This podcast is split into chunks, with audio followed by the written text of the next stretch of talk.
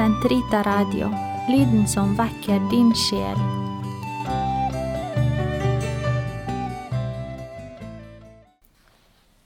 Den katolske kirkes katekisme, uke 9, lørdag, paragraf 1846 til 1851.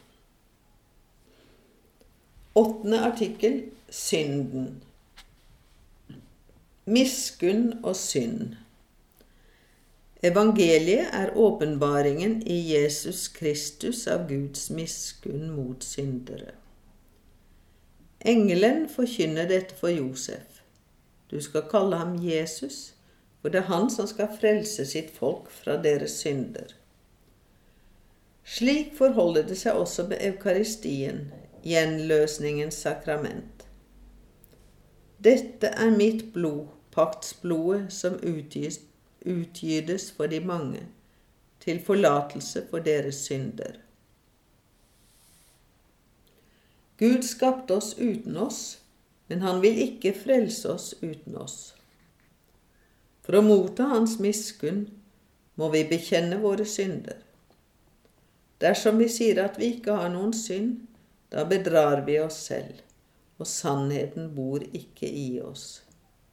Men dersom vi bekjenner våre synder, er Han trofast og rettferdig. Da tar Han våre synder fra oss og tvetter all vår ondskap av. Som den hellige Paulus sier, men om synden økte, økte nåden så overveldende meget mer. Men for at nåden skal kunne arbeide, må den først blottstille synden for å omvende vårt hjerte og gi oss rettferdigheten og føre oss til det evige liv ved Jesus Kristus, vår Herre. Lik en lege som først renser såret før han forbinder det, legger Gud ved sitt ord og sin ånd synden klart i dagen. Omvendelse forutsetter blottleggelse av synd. Den innebærer samvittighetens indre dom. Dette kan man se som et bevis på at sannhetens ånd virker i menneskets innerste, og dette blir samtidig begynnelsen på en ny nådens og kjærlighetens gave. Motta Den hellige ånd. Slik ser vi i denne blottstillelsen en dobbelt gave. Samvittighetens sannhetsgave og gaven til forløsningsvisshet. Sannhetens ånd er trøsteren. Hva er synd? Synd er en feil mot fornuften, sannheten og den rettskafne samvittighet. Den er en forseelse mot sann kjærlighet til Gud og nesten, som skyldes en misforstått binding til visse goder. Den sårer menneskets natur og angriper menneskelig solidaritet. Den er blitt definert som et ord, en handling eller en attråd som står i strid med den evige lov. Synd er en forhåndelse av Gud. Mot deg alene har jeg syndet gjort det som er ondt i dine øyne.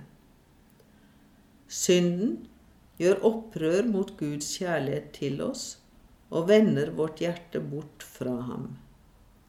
Lik den første synd er det en ulydighet, opprør mot Gud, for å ville bli som guder ved å kjenne og bestemme over godt og ondt. Slik er synd egenkjærlighet inntil Guds forakt. Ved slik hovmodig selvhevdelse står synd i direkte motsetning til Jesu lydighet, som utvirker frelse. Det er nettopp i lidelsen, da Kristi miskunn overvinner synden, at den tydeligst viser sin voldelighet og mangslungenhet. Vantro, dødelig hat, forkastelse og spott fra ledernes og folkets side, Pilatus' feighet og soldatenes grusomhet, Judas svik, som gikk slik inn på Jesus, Peters fornektelse av ham og disiplenes flukt. Men midt i mørkemaktenes og verdensfyrstens time blir Kristi offer lønnlig den uuttømmelige kilde til forlatelse for våre synder.